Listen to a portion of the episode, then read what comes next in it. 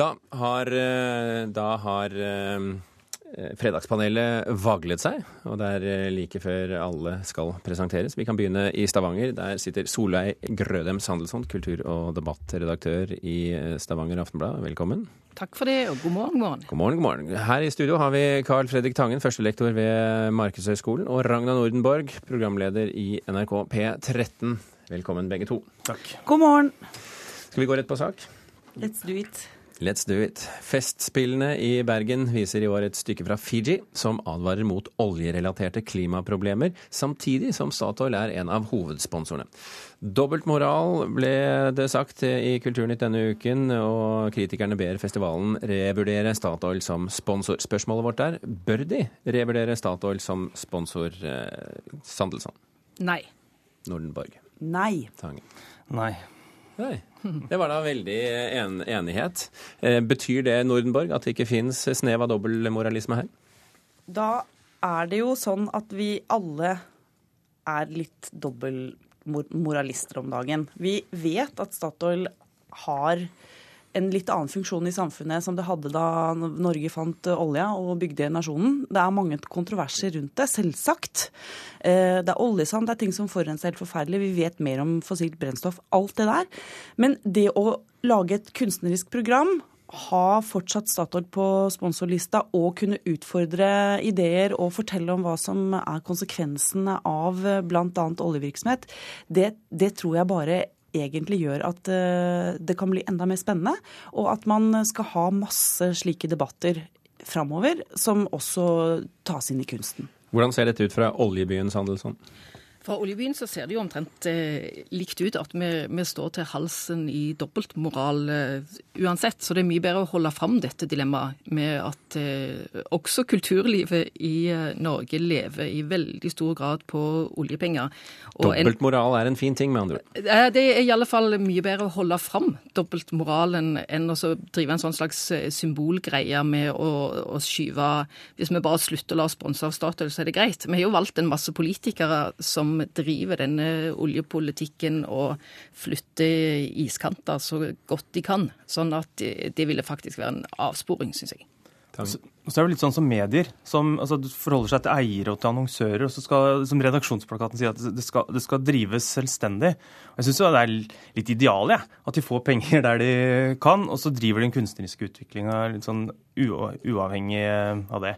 Så jeg tror Poenget er oftere at det ikke helt er sånn, mens idealet bør være at sånn skal det være. Men hva sier du til de da, og dette er jo ikke det eneste eksempelet på at Statoil har vært inne og sponset kulturlivet, hva sier du til de som protesterer da, og nekter å ta imot penger fra Statoil, selv om de kunne fått det?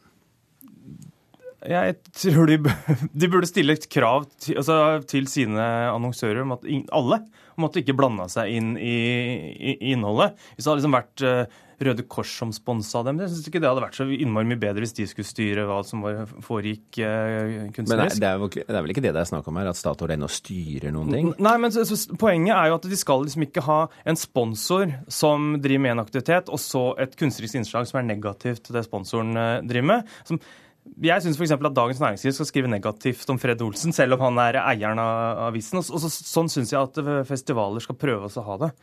Og så tror jeg at det er veldig mange kunstnere som med god grunn også kan takke nei til direktesponsing av f.eks. Statoil, som jo har blitt gjort opp igjennom Særlig innenfor pop og rock i Norge så er det jo flere band som har sagt nei takk, vi ønsker ikke å stå på en kandidatliste.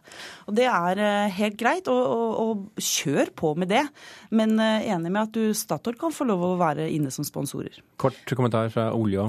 Ja, det er selvfølgelig en, en ærlig sak når det er folk som takker personlig nei og ikke vil bli assosiert med Statoil. Noe helt annet når en svær institusjon som Festspillet i Bergen, som er tunge av oljepenger sjøl, eh, skulle drive altså si nei til Statoil. Det blir tullete, syns jeg. Vi hopper til neste dilemma. Den norske opera og ballett har denne uken fått sterk kritikk fra musikkmiljøet for å ikke la operasjef Per Boje Hansen få en åremålsperiode til.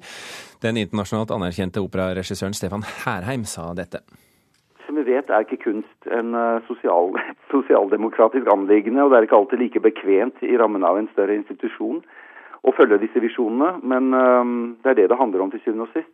Spørsmålet vårt er skal vi tåle å ha sterkere toppledere i kulturbedrifter som produserer på internasjonalt toppnivå, Tangen? Ja. Nordenborg? Ja, har jeg lov å si det? Ja, nei, men OK. Si ja. Ja. Hvorfor eh, er det et eh, godt poeng, eh, Tangen?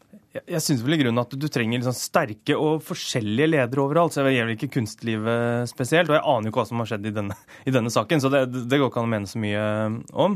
Men at um, når du blir utsatt for medarbeidertilfredshetsundersøkelser og standardløsninger om hvordan bedrifter skal verdiledes, så, så, så, så gjør det litt sånn ledelse og arbeidslivet til liksom, for likt. Så Det tror jeg er negativt både fordi du kan velge litt hvor du vil eh, jobbe, og, fordi, og for hvordan ting blir eh, produsert. Så jeg tror det skal være mye mer å gå på, både hos ledere og hos ansatte. Sandelsson?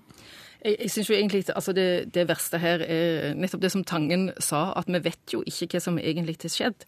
Og hvis Festspillet i Bergen er en tung institusjon, så er jo i alle fall Den Norske Operaen det. Altså her er jo, Det angår folk i hele landet, både kunstnerisk og økonomisk. Så her må den administrative ledelsen i operaen viser en helt, helt annen åpenhet på hva, som, hva for noen vurderinger eh, som ligger bak. De skyver personalhensynet foran seg for å slippe å svare, og det er skammelig, syns jeg.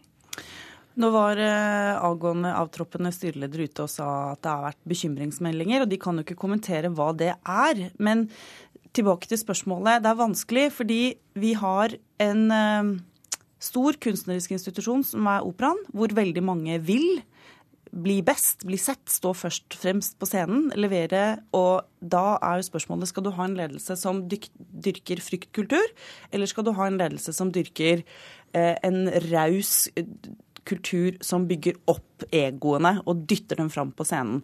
Eh, F.eks. Det er jo et valg man kan ta som leder.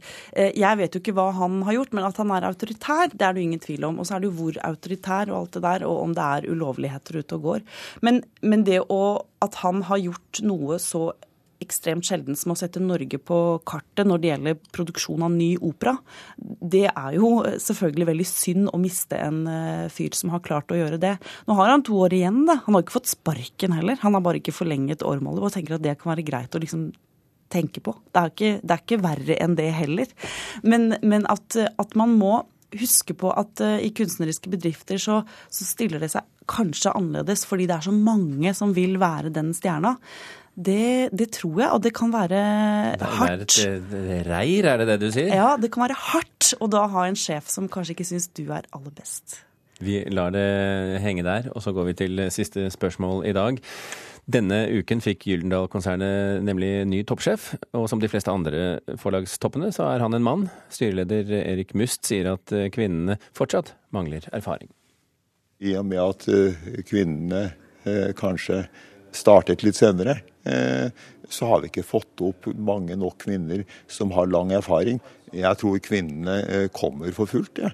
Kvinnene får eh, større og større tyngde. Så jeg sier at det er bare et tidsspørsmål. Sandelsson, er Forlags-Norge et gubbevelde? ja. Tangen? Ja. Nordenborg. Ja! jeg tror jeg veldig sjelden har sett eh, Nordenborg så blid som når hun hørte dette sitatet. Hva var det du ble så glad for? Det blir så koselig at jeg får tyngre og tyngre hjerne jeg også etter hvert. Som åra går, ja. så virker det som om vi kvinner eh, virkelig kanskje fullt utvikler eh, både begge hjernehalvdelene og klarer å ta ansvar.